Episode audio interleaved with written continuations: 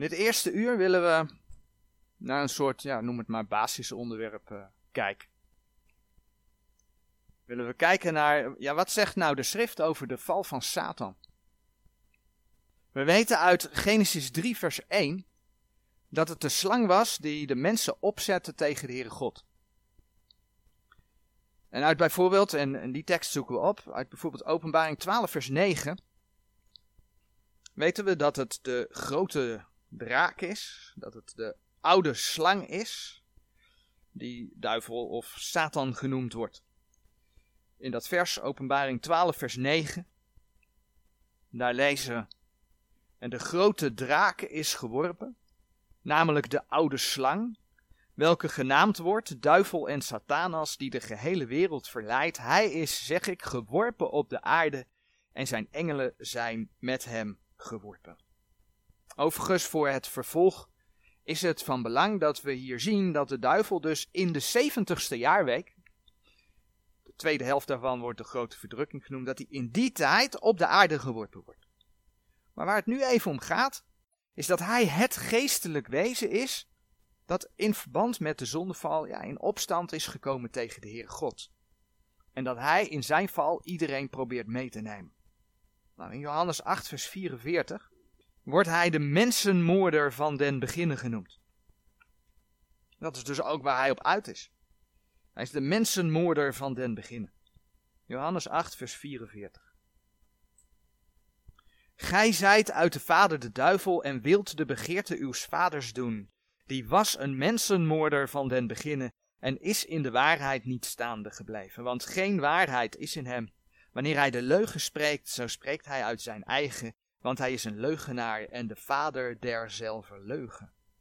We weten dat hij al voor de schepping tegen de Heer in opstand is gekomen. En dat weten we omdat hij in Genesis 3 vers 1 al als de slang bij Eva kwam en Eva verleidde. En we weten dat er met hem afgerekend gaat worden. Nou laat de Heer in zijn woord dus zien dat hij afrekent met, een, met het kwaad. Een belofte die de Heer in Genesis al aan Adam en Eva gaf.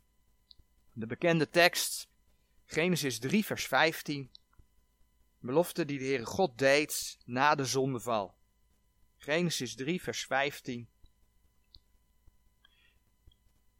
En ik zal vijandschap zetten tussen u en tussen deze vrouw, en tussen uw zaad en tussen haar zaad. Datzelfde zal u de kop vermorselen, en gij zult het de verzenen vermorselen. Hier staat de belofte dat de kop van de slang vermorseld zal worden. Nou, een slang is pas echt dood als zijn kop vermorzeld is. En dat betekent dus, als hier staat dat zijn kop vermorzeld gaat worden, dat er definitief met hem afgerekend gaat worden. En dan laat de openbaring 20 zien, komen we straks nog op terug, dat hij uiteindelijk in de poel des vuurs zal verdwijnen. Nou, dat proces gaat in vijf stappen. In vijf stappen wordt er met die duivel afgerekend.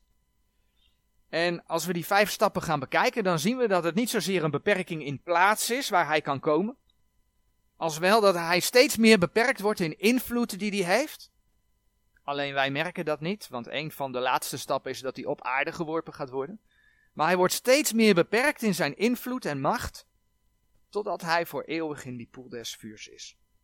Maar het begint dus met die eerste opstand. Die eerste opstand van de duivel tegen de Heer. In Openbaring 4, vers 6 tot en met 8 lees je over vier dieren die rond de troon zijn. En die troon van God, die bevindt zich in de derde hemel. Daar hebben we een tijdje terug hebben we daarbij stilgestaan, dus ik ga niet alle teksten opzoeken. Die troon van God bevindt zich in de derde hemel. Dat er een derde hemel is, vind je in 2 Korinthe 12, vers 2. Daar kun je dat nazoeken. En die vier dieren, als je dat onder andere vergelijkt met, met wat Ezekiel beschrijft, die vier dieren zijn vier gerubs. En gerubs, gerubs zijn geen engelen. Als je een, een bijna willekeurig theologisch werk opzoekt, dan wordt er gezegd een, een gerub is een soort engel. Dat is onzin. Als een engel verschijnt, is het een man. En gerubs zijn altijd worden altijd beschreven als een dier dat vleugels heeft. Er zijn verschillen. Dus die dieren rond de troon, dat zijn vier gerubs. En dan blijkt uit Ezekiel 28, vers 14. Ezekiel 28, vers 14. Dat de Satan ooit een vijfde troonbedekkende gerub geweest is. Ezekiel 28, vers 14. In Ezekiel 28, vers 14 lezen we: Gij waart een gezalfde, overdekkende gerub, en ik had u al zo gezet. Gij waart op Gods heilige berg, gij wandeldet in het midden der vurige stenen. Dit wezen was ooit in de Hof van Eden, staat er in vers 13 van Ezekiel 28. En dat wezen, Ezekiel 28, vers 15, was volkomen. Moet je nagaan hè, wat de Heer over hem zegt. Hij was volkomen. Maar op een gegeven moment, ook Ezekiel 28, vers 15, is er ongerechtigheid in hem gevonden. En is hij van Gods heilige berg verworpen. En dan lezen we in vers 16 van Ezekiel 28, vers 16. Door de veelheid uw koophandels hebben zij het midden van u met geweld vervuld. En gij hebt gezondigd, daarom zal ik u ontheiligen van Gods berg, en zal u, gij overdekkende gerub, verdoen uit het midden der vurige stenen. Deze val had te maken met zijn trots. Deze val had te maken met zijn hoogmoed. Dat hij zich wilde verheffen boven God. Jezaja schrijft er ook over. In Jezaja 14. Jezaja 14. In vers 12 tot en met 15 lezen we het volgende. Jezaja 14 vanaf vers 12. Hoe zijt gij uit de hemel gevallen, o morgenster, gij zoon des dageraads? Hoe zijt gij ter aarde nedergehouden? Gij die de heidenen krenkt het. En zeid het in uw hart, ik zal ten hemel opklimmen, ik zal mijn troon boven de sterren gods verhogen. En ik zal mij zetten op de berg der samenkomst aan de zijde van het noorden. Ik zal boven de hoogte der wolken klimmen, ik zal de allerhoogste gelijk worden. Ja, in de hel zult gij nedergestoten worden, aan de zijden van de kuil. Het in de hel, het in de poel des vuurs geworpen worden, is nog toekomst. Dat heeft met zijn uiteindelijke afrekening te maken. In openbaring 20 vers 10 kun je dat vinden. Na het duizendjarig vrederijk zal dat pas plaatsvinden. Net zo goed zie je hier in Jezaja 14 vers 12, wat je overigens ook in Ezekiel 28 vers 17 kunt lezen. Dan zie je beschreven staan dat hij op de aarde geworpen wordt. Maar als je dan Gods woord verder kent, dan weet je dat hij pas in openbaring 12 vers 9, tijdens de uh, eh, 70ste jaarweek, daadwerkelijk op de aarde geworpen wordt. Dus Jezaja blikt al vooruit. Ezekiel dus ook. Met andere woorden, die eerste stap is dat hij uit de hemel geworpen is. Hij is door God uit de hemel geworpen. Dat is de eerste stap. Nou, betekent dat dat die duivel uit die, uit die derde hemel geworpen is? Betekent dat dat hij niet meer in de hemel kon of kan komen? Nee, dat betekent het niet. Als je het boek Job opzoekt, Job 1, dan lees je dat hij in de hemel kon, uh, kon komen.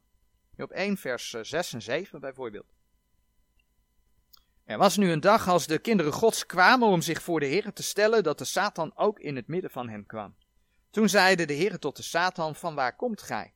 En de Satan antwoordde de Heer en zeide: Van om te trekken op de aarde en van die te doorwandelen. Hij kan nog steeds in de hemel komen, maar het is niet meer zijn verblijfplaats. Hij woont er niet meer. Hij is niet meer de troonbedekkende gerub. Maar ook zien we dat zijn invloed op de aarde reikt. Ondanks dat hij nog niet, wat in de grote verdrukking gaat gebeuren, in die 70ste jaarweek gaat gebeuren, ondanks dat hij nog niet op de aarde geworpen is. Hij kan op de aarde komen, hij kan de aarde doortrekken. Zoals Openbaring 12 vers 9 beschrijft als dat hij de aarde kan doorwandelen. Efeze 2 vers 2 zegt dan ook dat de mens van nature staat onder de overste van de macht der lucht. Daar kom ik zo meteen nog op terug. Maar laten we dat vers alvast lezen. Efeze 2, vers 2. We hadden het net voor de dienst even over de vijandschap, die door allerlei uh, dingen vanuit de wereld steeds sterker op ons afkomen. Ja, het is niet verwonderlijk, want de mens van nature staat onder de overste van de macht der lucht. Efeze 2, vers 2. In welke gij eertijds gewandeld hebt naar de eeuw deze wereld, naar de overste van de macht der lucht van de geest die nu werkt in de kinderen der ongehoorzaamheid. Mensen die niet buigen voor het evangelie, ja, daar werkt de overste van de macht der lucht in. Dat zegt Gods woord. Nou, ik loop een beetje vooruit op de volgende stappen. Als je ziet dat de Bijbel een apart moment neemt in de 70ste jaarweek. voor het feit dat hij op de aarde geworpen gaat worden. Maar bijvoorbeeld ook een apart moment noemt voor het feit dat hij in de poel des vuurs geworpen gaat worden. Openbaring 20 vers 10. Dat is na het duizendjarige vrederijk. Dan zie je dat die duivel iedere keer op een ander moment verder omlaag geworpen wordt. En daarom geloof ik dat zijn eerste val een val was, in principe, van de derde hemel naar de tweede hemel, naar ons heelal. En dan maakt de Heer Jezus, dan bladeren we naar Lucas uh, 10, dan maakt de Heer Jezus in Lucas 10 een bijzondere opmerking. In Lucas 10, vers 17 en 18, daar lezen we het volgende.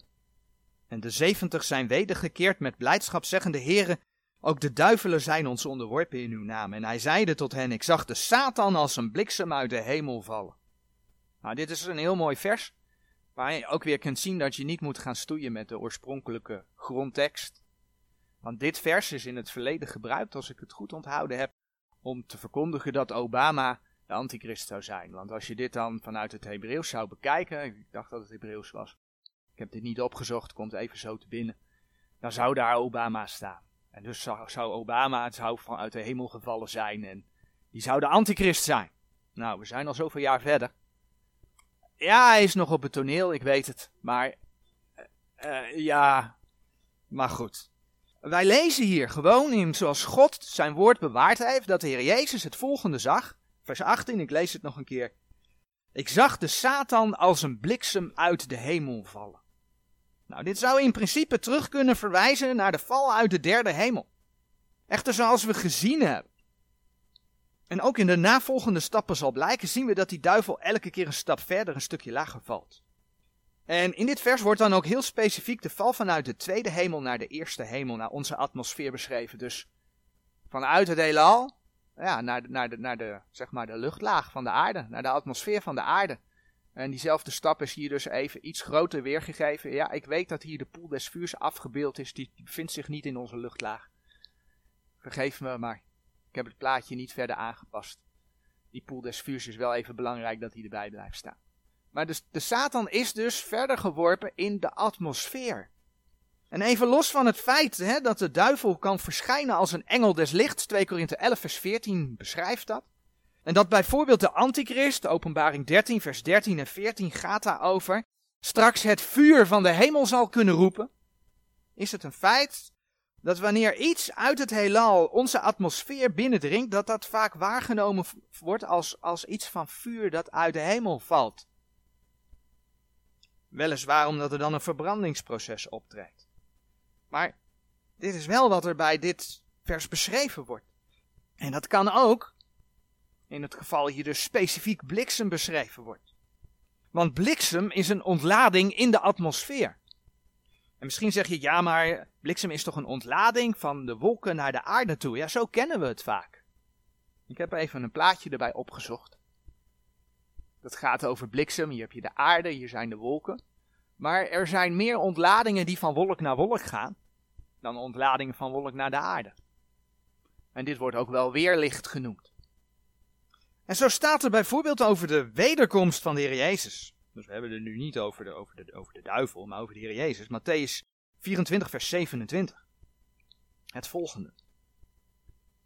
Matthäus 24, vers 27.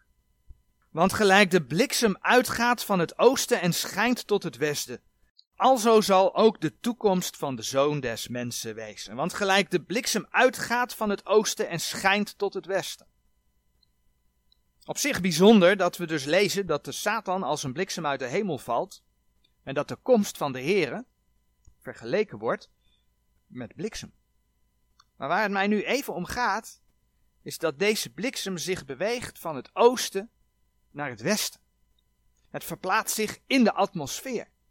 Nou, als je dat betrekt op wat de Heer Jezus zei over de val van Satan uit de hemel, dan zien we dus dat de Satan in de atmosfeer, sorry, atmosfeer van de aarde terecht is gekomen. Een val van de tweede hemel, het heelal, naar de eerste hemel, de atmosfeer van de aarde. En als we dan in de brieven aan de gemeente over die Satan lezen, hoe wordt hij dan ook alweer genoemd? De overste van de macht der lucht. Ja, dat was Efeze 2 vers 2. Nou, aangezien de Heer hier in Lucas 10 deze val in het verleden beschrijft, mogen we dus vanuit gaan dat dat ergens voor Lucas 10, vers 18 gebeurd is. De derde val. De derde val, en dat hebben we eigenlijk al genoemd, maar we gaan het toch nog even lezen. Openbaring 12. Is dan de val vanuit de eerste hemel op de aarde. En dan lezen we de versen in Openbaring 12, vers 7 tot en met 9. En dan zien we dus, hè, we zitten qua Bijbeltekst in de grote verdrukking, in de, midden in de 70ste jaarweek zo'n beetje. En dan uh, staat er in Openbaring 12, vers 7 tot en met 9. En er werd krijg in de hemel, Michael en zijn engelen krijgden tegen de draak, en de draak krijgde ook en zijn engelen. En ze hebben niet vermocht, en hun plaats is niet meer gevonden in de hemel. En de grote draak is geworpen, namelijk de oude slang, welke genaamd wordt duivel en satanas, die de gehele wereld verleidt. Hij is, zeg ik, geworpen op de aarde, en zijn engelen zijn met hem geworpen. Nou, dan komt op een gegeven moment de Heer terug. En dan zijn we in openbaring 19 beland. Dan gaat de hemel open en dan komt de Heer met zijn hemelse heerlegers terug. En dan gaat hij zijn koninkrijk oprichten, het duizendjarig vrederijk. Dan, staat er in openbaring 20 vers 1 tot en met 3, wordt die duivel voor duizend jaar gebonden in de afgrond. Openbaring 20 vers 1 tot en met 3. En ik zag een engel afkomen uit de hemel, hebbende de sleutel des afgronds en een grote keten in zijn hand. En hij greep de draak, de oude slang, welke is de duivel en Satanas, en bond hem duizend jaren. En wierp hem in de afgrond en sloot hem daarin. En verzegelde die boven hem, opdat hij de volken niet meer verleiden zou, totdat de duizend jaren zouden geëindigd zijn. En daarna moet hij een kleine tijd ontbonden worden. Maar die duivel die, zich dus op de aarde bevindt, die wordt in de afgrond. De afgrond die zich in het hart van de aarde bevindt. En ja, dat pijltje dat komt een beetje bij dat vlammetje van de, van de hel die zich in het hart der aarde bevindt uit. Dat, um, ja, dat pijltje kon ik niet anders tekenen uh, digitaal.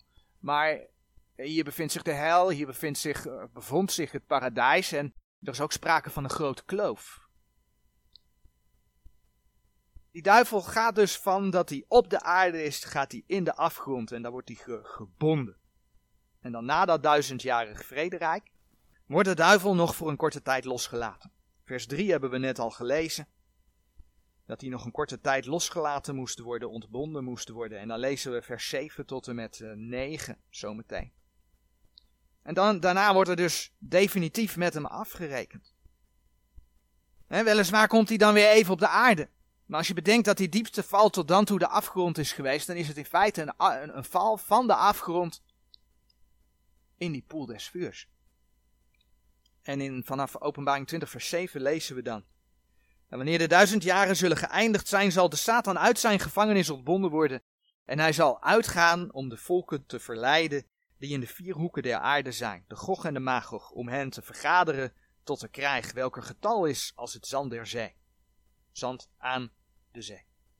En zij zijn opgekomen op de breedte der aarde en omringden de legerplaats der heiligen en de geliefde stad. En er kwam vuur neder van God uit de hemel en heeft hen verslonden. En de duivel die hen verleidde, werd geworpen in de poel des vuurs en zilvers, alwaar het beest en de valse profeet zijn. En zij zullen gepijnigd worden dag en nacht in alle eeuwigheid. Ik heb uh, zo met die nummertjes die val beschreven. Maar die nummertjes kun je dus ook op de tijdlijn uitzetten.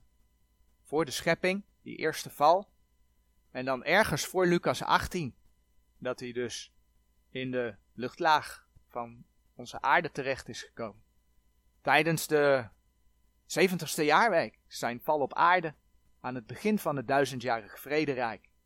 Dat hij gebonden wordt in de afgrond. En dan uiteindelijk na het duizendjarige vrederijk, nadat hij nog een korte tijd is losgelaten, wordt hij geworpen in de poel des vuurs. Maar zoals we in het boek Job zagen, kon die duivel nog steeds bij de Heere God in de hemel komen. Toch zien we dat hij iedere keer een stukje verder valt. Iedere keer verliest hij meer invloed en macht, totdat hij voor eeuwig in de poel des vuurs is. En dan is er definitief met hem afgerekend. Amen.